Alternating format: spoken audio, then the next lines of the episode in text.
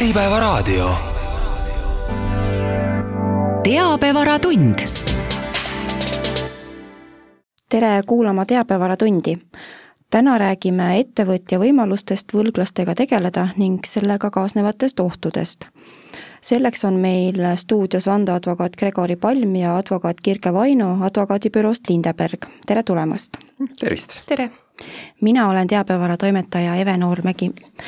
advokaadibüroo Lindeberg on dokumendinäidiste teabevara koostööpartner.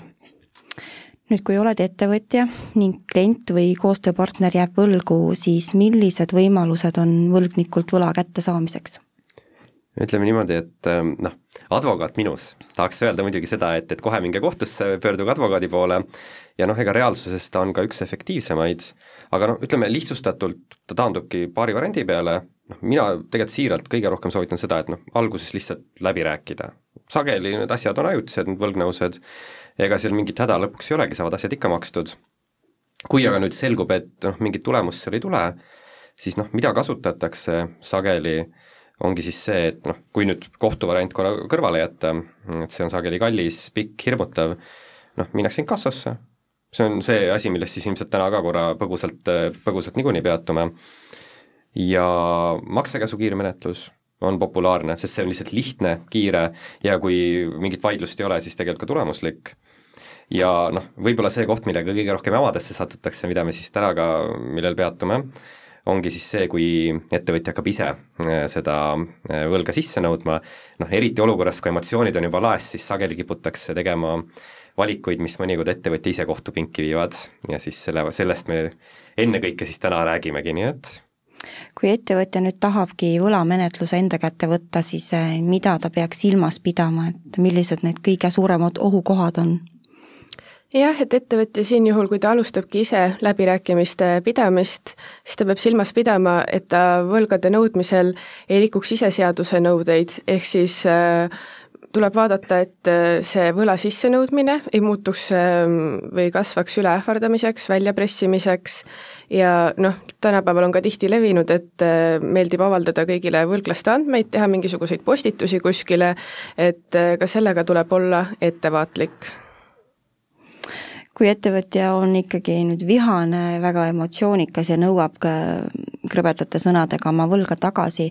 siis äh, on tal oht saada kriminaalsüüdistus ja mida ta peaks tegema, et sellist olukorda vältida? jaa, täitsa, täitsa oht on olemas, äh, noh, ega siin ongi, mis nagu selle asja natuke keeruliseks teeb, mis siin tuleb natuke niisugune ümmargune advokaadi vastus ka selles tähenduses, et eks ta sõltub ka asjaoludest, mis nüüd on, noh, kus seda kõige sagedamini ette tuleb, krõbedate sõnade puhul, et kui ikkagi noh, kõige selgem näide on alati see, et kui nüüd ettevõtja või noh, võlanõudja siis hakkabki ütlema, et noh, nüüd maksa ära või siis murran sul jalaluu ära või panen maja põlema, mida noh, vähemalt on teatud ettevõtte liigid, kus seda üsna tihti tuleb ette, sageli kuskil ehitussektori poole peal niimoodi mõnikord need ähm, erimeelsuste läbirääkimised käivadki et siis see iseenesest kvalifitseerub ähvardamiseks, et ähvardamine ongi, et kui teisel isikul on alust karta, et see ähvardus täide viiakse ja sa ähvardad ikkagi tervisekahjustusega, noh, vigastamisega või vara hävitamisega, siis noh, siis see annab koosseisu kätte. eriti veel, kui sa tagatipuks veel nõuad sellega koos mingit raha, noh millest me täna räägime, võla sissenõudmine, siis ta veel kasvab üle väljapressimiseks, sest sa pead nagu äh-, nii-öelda tekitada inimeses hirmu selle mõttega, et, et raha kätte saada iseenesest kuriteona on ta juba üsna tõsine, aga noh, see on nagu kõige äärmuslikum näide, et enamus inimesed tõenäoliselt niimoodi oma raha sisse ei nõua ja kust see ohukoht tuleb, ongi sageli selline, et noh, kui ettevõtja nii-öelda annabki teada, et näiteks, et kui sa võlga ära ei maksa, siis me lähme kohtusse või ma pöördun politseisse, siis selline käitumine tegelikult on täiesti okei okay ja lubatud, see on seaduslik meede, mida sa kasutad. halliks läheb see olukord siis, kui see ähvardus muutub üsna abstraktseks, kui võlausaldaja või noh, et ettevõtja ise ka ei tea, mida ta täpselt teha plaanib ja hakkavad kukkuma sellised laused, et et noh, kui sa võlga ära ei maksa äh, või et noh, too, too viis tuhat eurot nüüd kohe sinna või vastasel juhul teeme su elu põrguks, mis otseselt ei ole samastatav sellega, et ma nüüd luban sul jalaluud ära murda või ratastooli panna, noh, siis on see koht, kus hakkab juba nagu niisugune tõlgendamise küsimus, et kuidas see teine pool sellest saab aru saada, et kas elu põrguks on see, et annan su kohtusse ja sul on väga ebamugav seal kohtus olla, või elu põrguks ongi see, et tulen ukse taha ja, ja lahendame asja nagu isiklikumal tasandil ära. et see on nagu selline karistusõiguslikult võib-olla selline kõige, kõige aktuaalsem osa, et, et noh, mul hetkel ka endal on üks selline kaasus käimas, kus oligi, et mingisuguses ettevõttes tekkis töötajal jama, see iseenesest hiljem hakkas, see läks üldse töövaidluskomisjonile, aga see ettevõtja esimese emotsiooni pealt helistas sellele, noh nii selleks hetkeks endisele töötajale. Ja no siis lubaski, et, et ehm, paneb ta, murrab tal kõik kondid ära, paneb ta ratast tooli, ehm, et, et too nüüd viis tuhat euri sulas mingisuguse tüübi kätte, et see on siin nii-öelda tema kompromissettepanek ja siis et, et noh, ja siis seal ropendas ja sõimas ja noh, see töötaja salvestas kogu selle kõne ära, läks politseisse ja noh, praegult juba vist viimased aasta aega on nii-öelda kriminaaluurimine sellel teemal käimas. kuigi noh, ettevõtja ise nagu lõpuks noh, tema tõdeski, et ta lihtsalt oli vihane, ega ta tegelikult, tegelikult ju ei mõelnudki otseselt võib-olla midagi, noh nii ta ise väidab vähemalt. aga aga noh, teisel poolel oli täiesti siiras või mõistlik põhjus aru saada, et ta peabki kartma nüüd nende maise vara pärast, et kui sa ikka lubad kellelgi kondid ära murda, siis hiljem väita, et ups, tegelikult tahtsin hoopis kohtusse minna, sorry et need on jah, põhilised. kuidas on lood nii-öelda võlglaste häbipostiga, et kas seda tohib kasutada ja kui tohib, siis mida seal tähele panna? jah, et võlglaste häbiposti puhul siis tihti mõistetaksegi seda, et kui tehakse näiteks Facebooki või kuskile mujale mingisugune postitus, tihtilugu sinna pannakse veel juurde ka inimesest pilt, mingisugused hinnangud, et see inimene on mulle võlgu ja nii edasi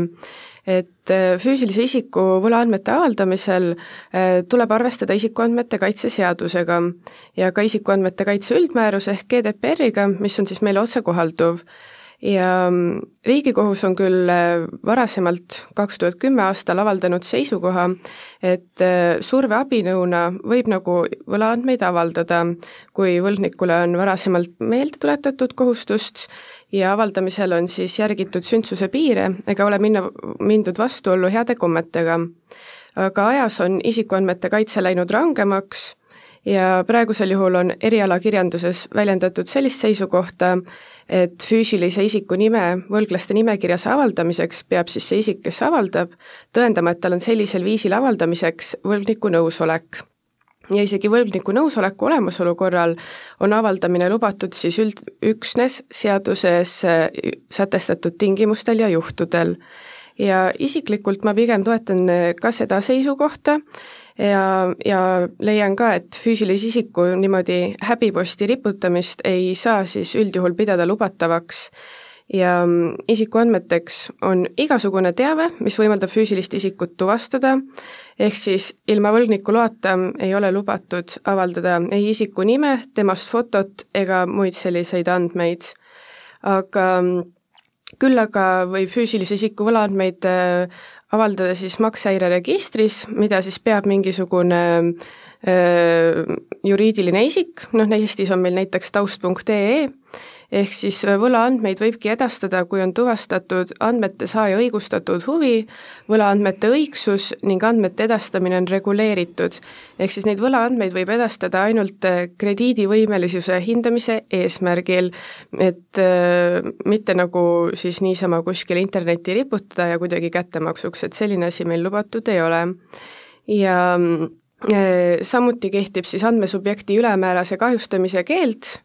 et äh, edastada ei või selliseid andmeid, mis äh, lepingu rikkumise seisukohast on ilmselt ebaolulised ja asjasse puutumatud, ehk siis nendeks tegelikult ongi fotovõlgnikust, mingisugused enda subjektiivsed hinnangud, et ähm, jah, ja kuidas noh, näiteks sellistes registrites see käib, noh seal peab andmete edastamine olema ka registreeritud, ehk siis kui keegi on kunagi läinud näiteks taust.ee lehele või mujale, siis sa saad inimese kohta otsida ja sul tuleb seal nagu ette selline mm, lahter, kus sa siis pead va-, valima, et et mis eesmärgil sa neid andmeid sealt soovid saada, et kas näiteks soovid selle inimesega luua töölepingut, üürilepingut, midagi sellist, et sisuliselt jah, see andmete edastamine on ainult niimoodi võimalik, sellepärast et äh, internetis piiramatule hulgale inimestele neid võlaandmeid avaldades ei ole võimalik äh, täita neid seadusenõudeid, et kontrollida, et kas, ähm, kellele neid üldse avaldatakse, kas sellel isikul on mingisugust õigustatud huvi, kontrollida selle isiku krediidivõimelisust ja nii edasi. Ja, ja lisaks siis isikuandmete avaldamisele tuleb kindlasti ka võlaandmete avaldamisel ähm, kõne alla ka mm, nii-öelda need laimuvaidlused, et kui nüüd ongi lisaks isikuandmetele mm, avaldatud veel mingisuguseid faktilisi väiteid, väärtushinnanguid, siis äh, isik, kes neid on avaldanud, siis ta peab olema võimeline tõendama, et, et see faktiväide on päriselt ka tõele vastav ja, ja et see väärtushinnang on nagu mingis osas põhjendatud et kui niimoodi neid võlaandmeid avaldada, siis, siis võibki tuua tegelikult ettevõtjale kaasa siis äh, hagi, mis ongi, et kas isikuandmete kaitse seadusest tuleneva kaitsenormi rikkumise tõttu või siis niinimetatud äh, laimuhagi ja, ja sellisel juhul äh, see võlgnik saab nõuda mittevaralise kahju hüvitamist oma õiguste rikkumise pärast ja ka äh, andmete eemaldamist või siis, kui on tegemist faktiväidetega, siis nende ümberlükkamist. Aga noh, siit tekib küsimus, et okei okay,, et see on füüsilise isiku kohta, et kas siis nagu eh, juriidiliste isikute kohta võib andmeid avaldada. Et siin ongi see, et ähm, isikuandmete kaitse seadus, et ta ju kaitseb üksnes füüsilise isiku isikuõigusi, aga siin tuleb ka juriidiliste isikute puhul tähele panna seda, et, et kui ka nüüd nende kohta midagi avaldada, et siis samamoodi äh, äh, peab avaldaja vaidluse kolla, korral olema võimeline tõendama, et need andmed, mis ta avaldas, et need on äh, tõele vastavad ja, ja selles osas ähm, saab ka juriidiline isik pöörduda hagiga kohtusse, kui tema kohta on avaldatud ebaõigeid faktiväiteid ja seeläbi sekkutud äh, tema majandustegevusse. et mina siin juhul nagu pigem ei soovitaks inimestel hakata võlga sel viisil sisse nõudma, et kuskile Facebooki mingisuguseid postitusi tegema, aga kui on ikkagi soov avaldada, siis, siis pöörduda mõne ettevõtte poole, kes peab maksehäireregistrit ja ja järgib neid, järgib neid seaduse nõudeid, millisel juhul siis äh, võlaandmeid võib avaldada. jah, ütleme selle häbipostiga on siin teatav niisugune noh, mingil hetkel, kui see nagu väga intensiivseks läheb, et noh, sageli jah, need häbiposti inimesed jah, lähevad seal tsiviilkohtusse, hakkavad nõudma jah, neid laimu, laimu, laimuasju, aga kui see nagu väga intensiivne on, siis siin tegelikult on ka teatav, noh, see võib üle kasvada ka kriminaalseks, et mul on neid olukordi ka endal olnud, kus noh, mul üks tuleb nagu eriti spetsiifiliselt meelde, kus oligi, et üks töötaja ei saanud palka kätte tööandjalt. Ja siis ta hakkaski igasse võimalikku Facebooki võlglaste gruppi toppima selle tööandja nime, tema abikaasa nime ähm,, väitis, et nad on seal kõik petised ja üldse äh, Äh, üldse nagu igatpidi kelmid, et siis tekkiski see olukord, et ühelt poolt need äh, tööandjad äh, noh, kuna seal oligi see olukord, et see töötaja oli selle nagu noh, tal tegelikult võiski seal ju mingisugune mõte taga olla, et võib-olla ta mingid rahad ei saa, olnudki kätte saanud, aga ta oli täiesti laest võtnud selle numbri, mis talle võlgu oldi, ta ise tunnistas ka tegelikult, et mingi osa sellest on nii-öelda moraalse kahjuhüvitis, mida tema peab nii-öelda õigustatuks. kohtusse ta sellega kunagi ei läinud ja lõpuks oligi, et need tööandjad ise noh, palusidki, et, et kuule, et anname siis selle asja nüüd kohtusse ja politseisse ka, ja politseis ongi, et kus see nagu kriminaalpool tuleb, on siis see, et mingil hetkel selline käitumine võib üle kasvada ka nii-öelda ahistavaks jälitamiseks et ahistava jälitamise niisugune paragrahv, noh kõige klassikalisem on muidugi see, kui äh, armuvalus mees üritab oma naisele tundeid näidata ja väga intensiivselt iga päev istub tal akna taga ja saadab tuhat sõnumit. aga tegelikult ka selline võlanõudmine sellisel viisil, et see hakkab teist inimest oluliselt häirima, tema el eluvaldkonda sekkuma, äh, võib olla kuritegelik noh, iseenesest nagu selles mõttes hästi intuitiivne ka, et, et kui noh, ongi, et meile siin keegi mõtleb välja, et me võiksime talle justkui noh, mingi kümme tuhat eurot võlgu olla, ta paneb igasse võlgaste gruppi, et näed, need on nüüd võlglased, et noh, siis on ka meil täielik õigus kaitsta ennast. ja sama lugu oli ka seal, et ja selles mõttes sellel inimesel, kes ta oma võlga niimoodi tagasi nõudis, noh, lõpuks väga hästi ei läinudki, et seal tsiviilkohtus ta sai veel mingi, mingi hüvitise pidi maksma, kui nüüd peast ütlen, ja veel sai lähenemiskeelu ka, et tal, tal keelatigi ära, et ära rohkem postita niisuguseid asju. Äh, kriminaalmenetluses sai kah oma paragrahvi veel kätte selle ahistava jälitamise eest ja selles mõttes temaga läks eriti õnnetult ja et ta veel hiljem veel rikkus ka seda lähenemiskeeldu, mis tõi talle veel uue para-, para-, karistuse, et ta vist, kui ma ei eksi, tänasel päeval ma arvan, et veel täna äkki kuskil ikka lehti riisub oma, ühesõnaga sai mingi kuussada tundi üldkasulikku tööd või midagi sellist, nii et et, et lõppude lõpuks oligi, et noh, see natuke toob selleni tagasi, mis ma ka alguses ütlesin, et mingist, mingist hetkest alates, kui sa seda nagu võlga heaga nagu kätte ei saa, noh, võib-olla oled siin halvaga ka näpuotsaga proovinud, pannud siis sinna taust.ee-sse või kuskile, et noh, siis tegelikult juba kohtusse, siis tuleb juba kohtusse minna ja tõesti neelata see kohtumenetlus alla, mitte enam hakata siin oma kohut tegema või ise leiutama. kui tulemuslik äh, häbipost üldse on või, või selline võla tasumise agressiivne nõudmine? et noh, ta pigem oleneb, aga, aga ma ei hindaks teda väga efektiivseks, et äh, et kui isikul ikkagi raha ei ole või ta lihtsalt ei soovi seda võlga maksta, et ega tihtipeale see, et ta nüüd kuskil Facebookis on, et et see ei, ei mõjuta teda seda võlga maksma. et ma ise leian, et ikkagi kõige efektiivsem, et see võlg kätte saada, oleks ikkagi kohtumenetlus läbi teha, saada sealt do-, täitedokument ja, ja pöörduda siis kohtutäituri poole ja alustada täitemenetlust. ja ette, ettevõtete puhul siis ähm, võib mõnel juhul olla mõjus ka see, kui kui eeldused on täidetud, et ja ettevõte ei ole oma võlga ära maksnud, et saata talle pankrotihoiatus või, või pankrotiavalduse esitamine, et mõnel juhul see võib mõjuda, kui ettevõte noh, lihtsalt ei taha võlga tasuda, aga tegelikult tal pankrotiolukorda ei ole ja ta ei taha, et tema vastu sellist menetlust tehakse, et pigem nagu mina lähe-, läheneksin niipidi jah, ja siin nagu sageli selle häbipostiga noh, siin muidugi tuleb nagu etteruttavalt ka öelda, et mul selles mõttes minuni jõuavad nagu need inimesed, kellel on see probleem tekkinud, eh, need, kes häbiposti tulemusel ära maksavad, noh need advokaadini ei jõua. aga pigem olen mina näinud seda olukorda, kus häbiposti panek ajab ka selle nii-öelda võlgniku siis tagajalgadele vihaseks, et siis on need suhted juba nii halvad, et siis juba mõned põhimõtte pärast ei maksa ja mõned siis juba põhimõtte pärast vaidlevad. Ja sageli äh, kui enne pole veel keegi advokaadi poole pöördunud ja võib-olla isegi kaaluks, et noh, teeks mingi kompromissi või lepiks kokku või isegi maksaks ära, siis pärast sellist käitumist sageli just tullaksegi advokaadi juurde ja mõnikord tullaksegi minu juurde ka küsimusega, et noh,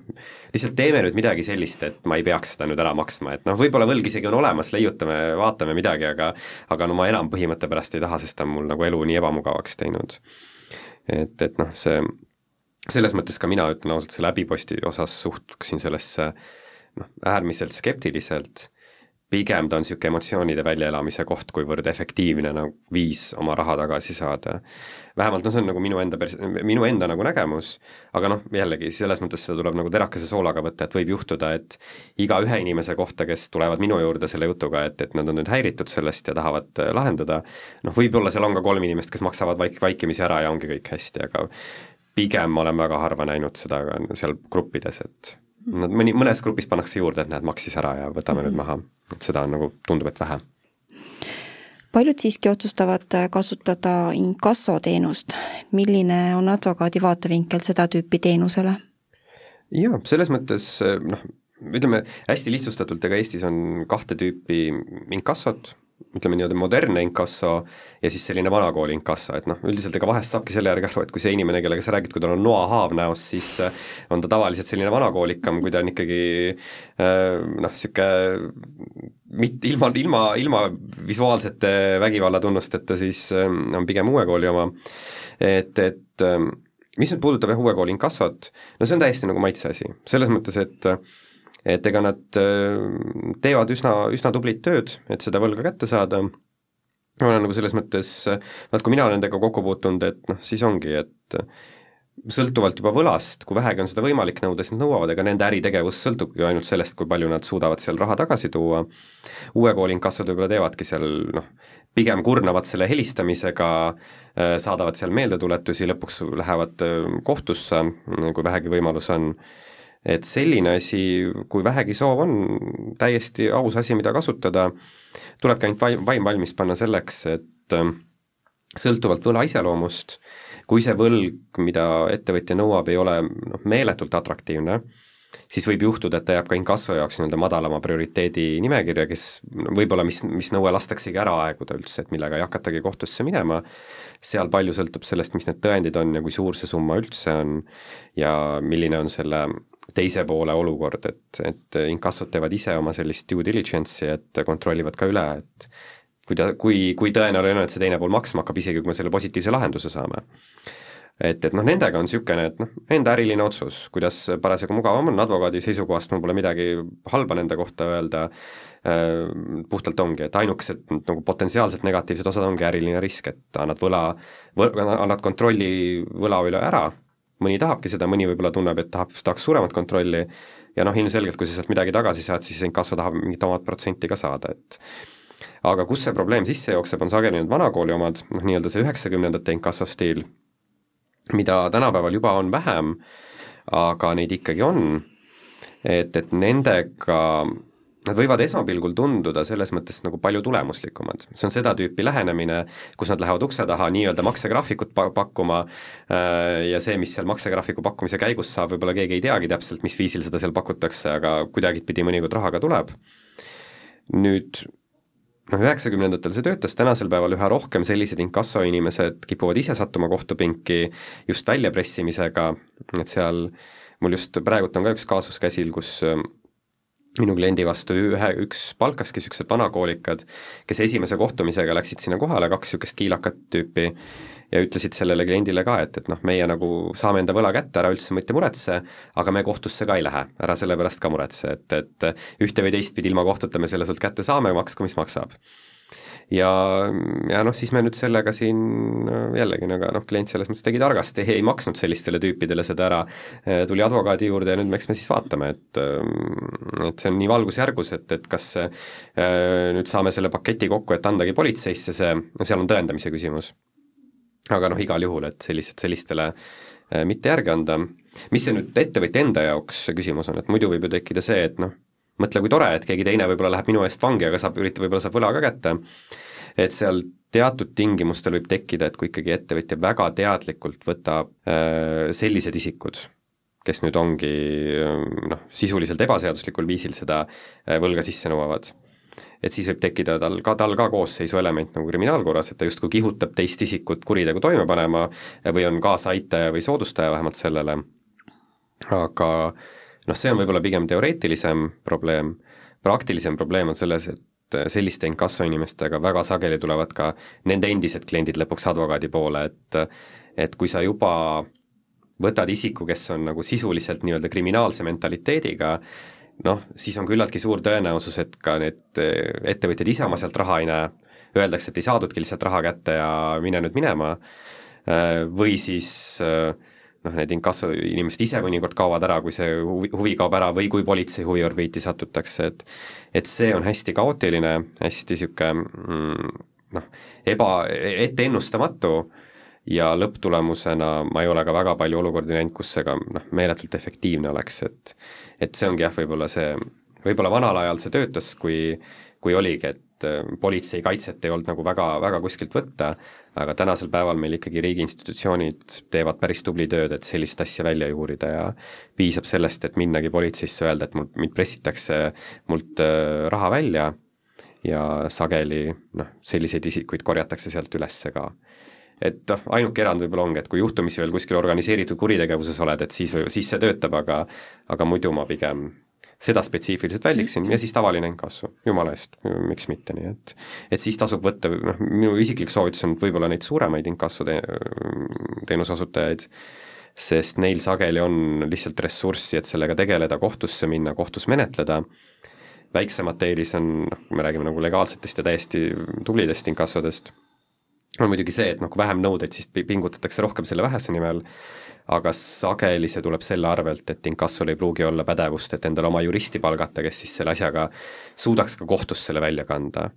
et noh, odavamad on need inimesed, kes helistavad, saavad seal, tüütavad teda, aga noh, kui see tulemust ei anna, siis tavaliselt järgmine samm ongi kohus ja ja siis on selles mõttes suurtel see pädevus rohkem olemas jäin siin mõtlema, et äh, võlgnik on äh, ettevõttele võlgu mm, -hmm. ettevõte saadab selle vanakooli inkassa ukse taha, aga võlgnik siis kaebab kohtusse ähvardamise eest mm, -hmm. et aga võlg jääb tal ju siis tasumata. et kuidas sellesse suhtuda? jaa, selles mõttes, et võlg jääb tal tasumata, mis see nagu kriminaalvaade on sellest, on see, et noh, ütleme need inkassovennad antakse siis politseisse ähvardamise eest, see vaene ettevõtja siis tuleb ka kriminaalmenetlusse kohale, ütleb, et aga mul on ju võlg ka,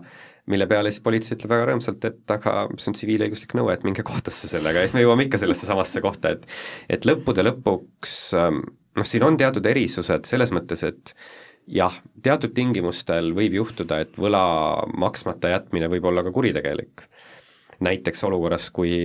isikul, noh nii-öelda võlgnikul algusest peale polnudki plaanis kunagi võlga tagasi maksta. et siin või, või jumala eest, kui kas või see raha on kuidagi pettuslikul teel liikunud, et noh, seal on mingid kelmuse koosseisud olemas, et siis muidugi on ka politsei huviorbiidis see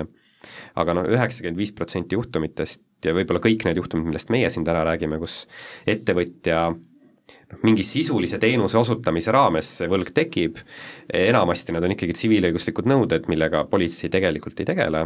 ja noh, väga hea põhjusega ka, et meil ongi, kehtib ka Eestis see ultima ratio põhimõte, et me ikkagi ei kollita inimesi kriminaalmenetlusega, kui on võimalik mingil muul moel nende, nende olukorda aidata. aga jah, selles mõttes, aga see mõte on ikkagi väga õige, et kui ettevõtjal tekib kahtlus, et see võlg võib olla tekkinud nagu nii-öelda kuritegeliku kavatsusega seal taga, et noh, siis võib ju kaaluda ka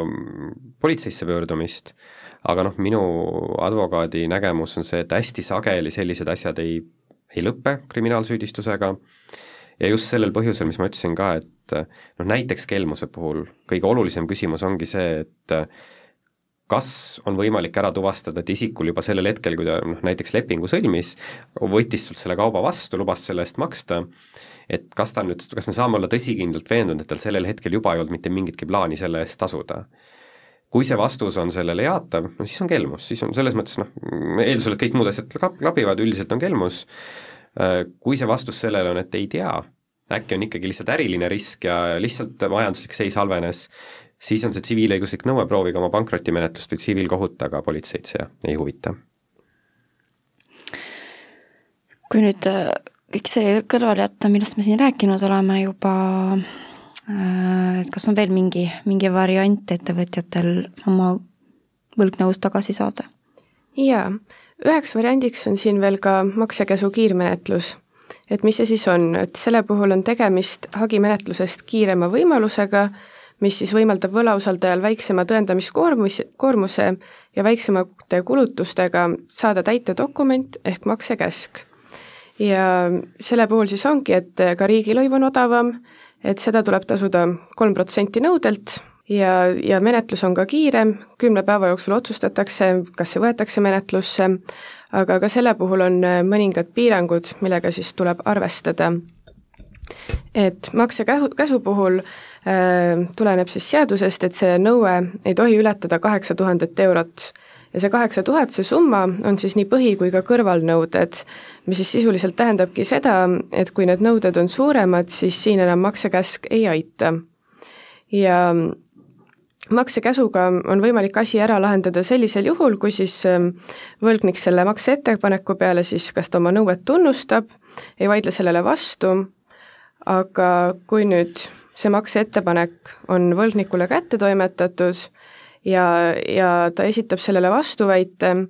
siis sellega on nii, et ta isegi ei pea seda vastuväidet põhjendama, et ta sisuliselt võib lihtsalt äh, kirjutada, ma ei tea, ühe lause, et ma ei tunnusta seda nõuet enda vastu ja, ja sellisel juhul seda asja enam äh, maksekäsuga ära lahendada ei saa. ja, ja siin nüüd ongi, et ähm, kui, äh, kui see avaldus tehakse, siis võlausaldaja saab validagi, et kui nüüd vastuväide tuleb, et siis noh, üldjuhul see jätkub hagimenetluse korras, aga, aga ta võib ka väljendada soovi, et kui vastuväide tuleb, et siis see asi lihtsalt lõpetatakse ära. siin ongi siis see, et kui noh, ettevõtja mõtleb, et ta ei taha seda kulukat kohtumenetlust ja, ja kui see vastuväide siis tuleb, siis tähendab ikkagi see, et see läheb äh, hagimenetluse korras lahendamisele, mis tähendab seda, et tuleb tasuda täis, täies ulatuses riigilõiv, nagu e, muidu tavapäraselt kohtusse pöördumisel tasutakse, ja, ja tuleb ka siis e, esitada tsiviilkohtumenetluse seaduse nõuetele vastav hagiavaldus et noh, kui muidu selle maksekäsu avalduse saab siis äh, e elektroonilises portaalis teha ja see on seda tüüpi avaldus, millega põhimõtteliselt võiks ka hakkama saada inimene, kellel ei ole õigusteadmisi, siis selles olukorras, kus see nüüd läheb hagimenetluseks, siis äh, enam ise hakkama ei saa, ehk siis sellisel juhul tuleb äh, omale tõenäoliselt advokaat võtta.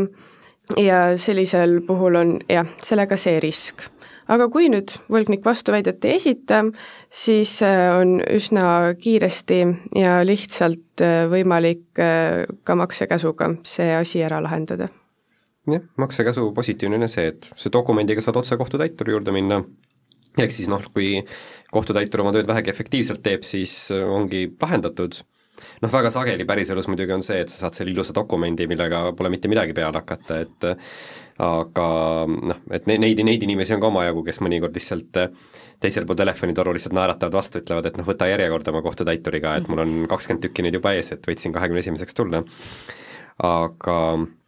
aga jah, et, et noh, maksekäsu jah, selline suurim risk ongi see, mida Kirke ka ütles, et et tegelikult see töötab ainult siis, kui teine pool põhimõtteliselt ei kobise mitte midagi vastu. mõnikord see ametlik dokument hirmutabki inimese ära, sest noh, maksekäsuga käib alati kaasas see noh, viidatud ähvardus, kas nii, nii-öelda ähvardus siis, legaalne ähvardus sellele, et me lähme ka kohtusse edasi, kuna me juba oleme võtnud nii-öelda õiguskaitse kohtutee jalge alla, aga, aga noh, sageli need maksekäsud lõpevad ka sellise asjaga, et noh, mul ükskord oligi, kus võlgnik lihtsalt joonistas kurja näo vastu, niisugune nagu kuri smiley, ja sellega see ära lõppeski, sest seda tõlgendati ka noh, vastuväitena ja noh, mida ta tegelikult ka oli, et ta polnud rahul tekkinud olukorraga. Aga noh, maksekäsu puhul, millest tuleb nagu hästi ettevaatlik olla, kui inimene seda ise just teeb, et noh, kui advokaat, siis ta niikuinii vaatab üle, et see nõue oleks põhjendatud, seaduslik ja kõik asjad, aga kui inimene ise teeb, siis sageli tekib inimestel see instinkt ja mõte, et noh, kuna keegi ei kontrolli seda nõuet kohtu poole pealt, see saadetakse niisugusel kujul, nagu ta, sa oled kirjutanud võlgnikule, isegi tõendeid ei pea sinna juurde panema, et nii mõnedki mõtlevad siis, et ah, küsime siis juba natuke rohkem või, või keevitame sinna mingeid selliseid võlgnevusi või nagu nõudeid juurde, mis võib-olla ettevõtjale endale tunduvad jube loogilised. Noh, a la sissenõudmiskulud, et noh, pidin telefoniga helistama ja äh, moraalse kahju kulud, et näed, üldse minu, minu äritegevus ju ka peatus, et võib-olla mõnda uut klienti ei saanud seetõttu juurde võtta ja nüüd on mingi saamata jäänud tulu, aga tegelikkuses sellega tuleb ikkagi üsna ettevaatlik olla, et maksekäsus saab küsida noh, nii-öelda ta on selles mõttes niisugune natuke ausõna peale süsteem, et sa pead seal lõpus kinnitama, et need, need nõuded, mida ma esitan, on mul päriselt olemas. Ja kui sa sinna ikkagi täiesti suvalisi asju välja mõtled, siis võib juhtuda ka jällegi seda, et nagu ma siin peaaegu iga küsimusega tulen, et võib ka kriminaalvastutus tulla valeandmete esitamise eest, seda noh, tänasel päeval juba nagu ikkagi ka rakendatakse, et sealhulgas on ka juhtumeid, kus äh, ka kohtud ise mõnikord kontrollivad seda, et, et kas see nõue on üldse mingil moel põhjendatud, et mõned on hästi, kunagi oli see süsteem olemas ja ma arvan, et seda kasutatakse siiamaani omajagu, kus mõni teeb hästi naglalt, et selleks, et hoida riigilõivuga kokku, kuna maksekäsust on ikkagi ka olemas, siis sageli pannakse mingi hunnik erinevaid nõudeid lihtsalt kokku üheks maksekäsuks ja kuidagi leiutatakse nad üheks suureks nõudeks, et me saaksime ainult ühe menetlusega selle kõik ära teha. et kui ta sellele ei vasta, siis on kergem, et muidu me peaks justkui mitu erinevat maksekäsu kiirmenetlusavaldust tegema ja hiljem veel mitme erineva asjaga kohtusse minema. et pigem ka maksekäsu osas, olgugi et seal nagu kontrolli liiga tugevalt ei ole, tuleb olla selles osas tundlik, et ja noh, tunda oma võlglast ka, et kui ikkagi vastuväide tuleb ja sa pead kohtusse minema, kui sa otsustad minna. et noh, siis sa pead olema hiljem võimeline ka seda nõuet kaitsma sellisel kujul, nagu ta seda esitad. ja seda tüüpi nõuded, et et oi, et selle võlgnevuse pärast ma ei saanud endale uut katust panna tänu sellele mul äh, tuli, voolas vesi sisse ja tänu sellele mul läks arvuti katki ja tänu sellele mul kadusid andmed ära ja tänu sellele äh, ma ei saanud mingit uut klienti võtta, et noh, seda tüüpi nõuded noh, kohtus tavaliselt ikkagi nagu ellu ei kipu jääma eks ta tundub selline riski business, et kõik, mis sa sinna kirja paned, et kõike sa pead pärast siis tõendama, kui vaja. jaa, et ütleme, kõige lihtsam selles mõttes ongi see, et noh, kõige klassikalisem, milleks see maksekäsk ongi, on see, et noh, arve on väljastatud, mingi teenuse kirjeldus seal on äh,, arvet pole tasutud, niisugune lihtne konkreetne asi, et noh, seal võib muidugi lõppude, lõpu, lõpmatuseni vaielda, et noh, kas nüüd see teenus, mis see võlgnik sai, oli nüüd kvaliteetne, et noh, neid vaidlusi on kohtud täis, kus aga ma ise just hiljuti, äh, lõppes üks selline vaidlus, et noh, võlgnik ei maksnud arvet ära,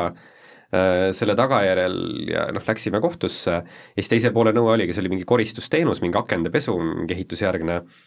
ja siis äh, oligi see, teine pool oli käinud kolm kuud hiljem mingit pilti tegemas, ütles, et aga näed, mul on ju aknad mustad, et ja siis me seal kemplesime ja vaidlesime selle üle, et noh, kui, kui kiiresti aknad mustaks lähevad, et mis on normaalne ja, ja kas need olid nii mustad ka enne või mitte et, et oli mõttetu vaidlus, mis lõpp, lõpuks lõppeski selle noh, võlausaldaja võiduga, aga seal nagu mängiski see, et need nõuded, millega kohtusse mindi, olid ka väga kerged ja loogilised. kui ta oleks hakanud seal ükskõik mida juurde võtma, noh, olgugi, et oleks võib-olla oma selle põhinõudega võitnud, siis võimalik, et oleks jäänud näiteks advokaadikulud mingis ulatuses ka tema kanda seetõttu, et noh, muid nõudeid ei suuda ära tõendada, mis jälle juhtutakse, et et pigem nagu konservatiivselt, mitte lasta emotsioonidele jälle üle minna ja noh, päriselus me ju kõik saame aru, et kahju tekib ja ka saamata jäänud tulu, et mul ei ole raha, et mingit muud asja, ägedamat asja teha, on, on ju in, in, in, inimlikult täiesti arusaadav, aga juriidiliselt on see ikkagi väga spetsiifilised tingimused, kus sa sellist asja nõuda saad. Ja pigem kui kerge vaevaga ei saa, siis noh, jällegi niisugune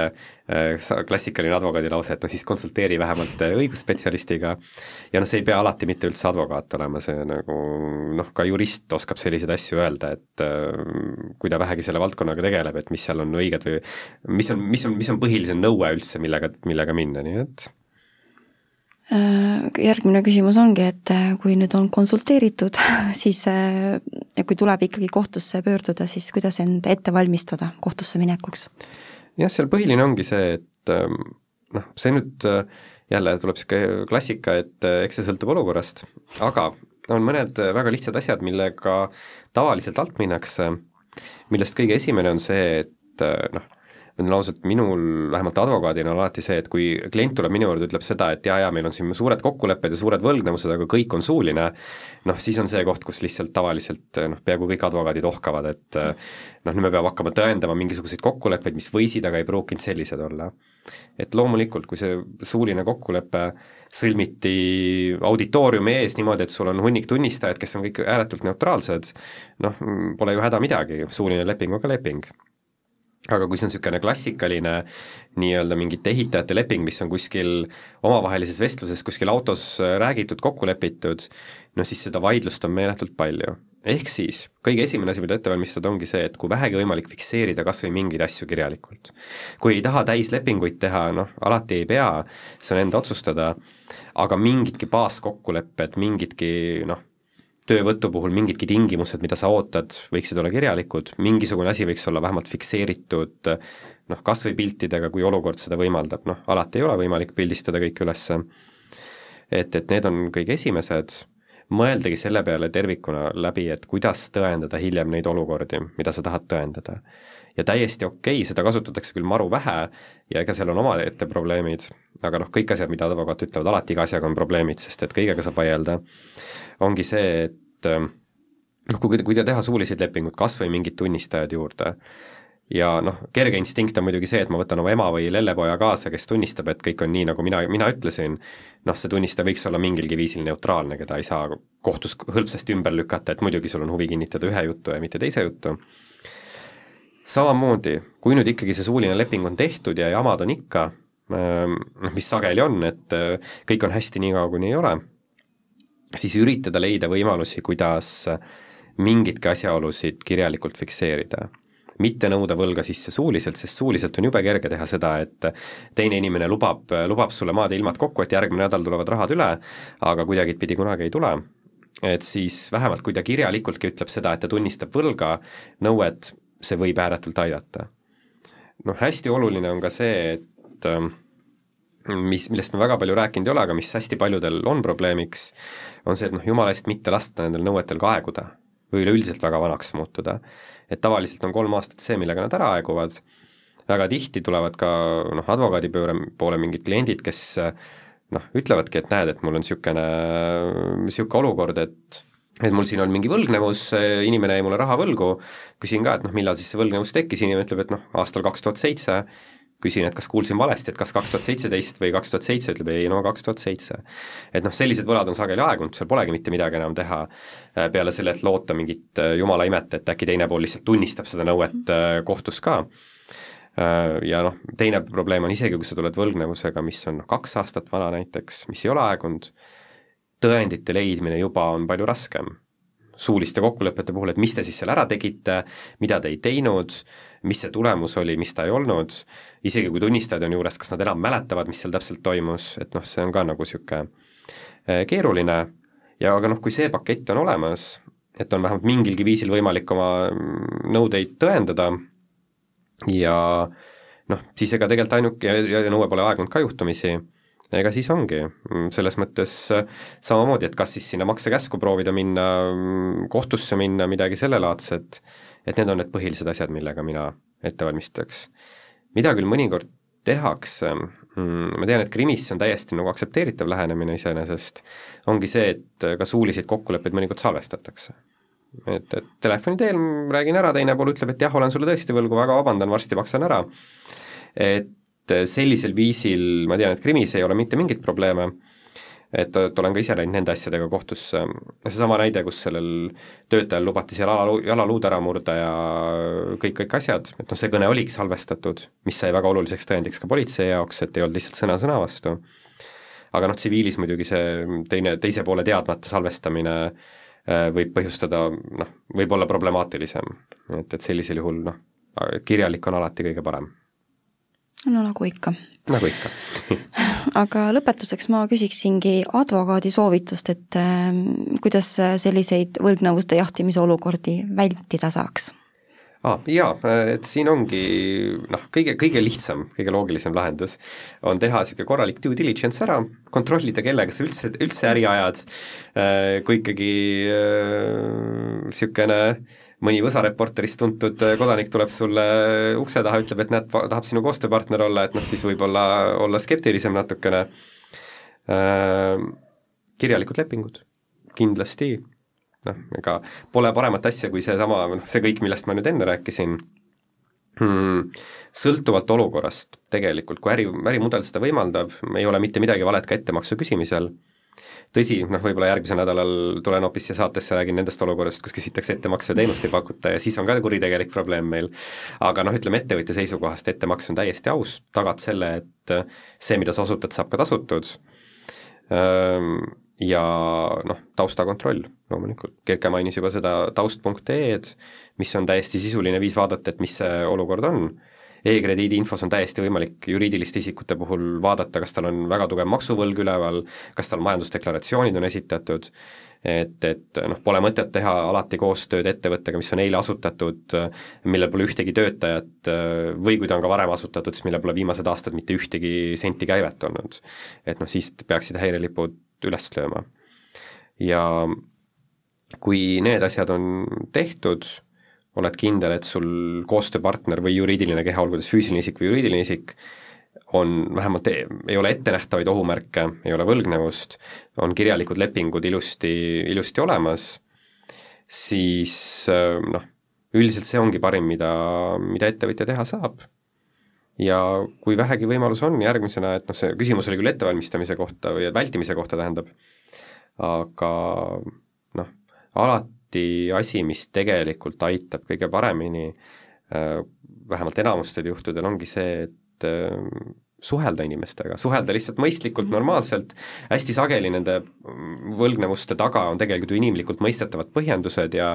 on vähe neid, kes on nii-öelda petturlikud või meelega ei taha maksta või kelmid, enamus on ikkagi inimesed, kes noh, vähemalt minu kogemuses hoolivad ikkagi oma koostööpartneritest ka ja tahavad viisakalt, ausalt elada ja miks see nagu suhtlus on selles mõttes oluline, ongi see, et me tänase saate raames ka oleme paljudest olukordadest rääkinud, kus tegelikult võlausaldaja enda käitumine lükkab võlgniku sellesse olukorda, kus ma enam ei maksagi. noh, panen ta mingid lapsed ja koera pildi kuskile võlgast häbiposti, no muidugi ei taha maksta enam hakkan esitama mingisuguseid täiesti suvalisi õhust võetud nõudeid, muidugi olen vihane. et, et et noh, sellisel juhul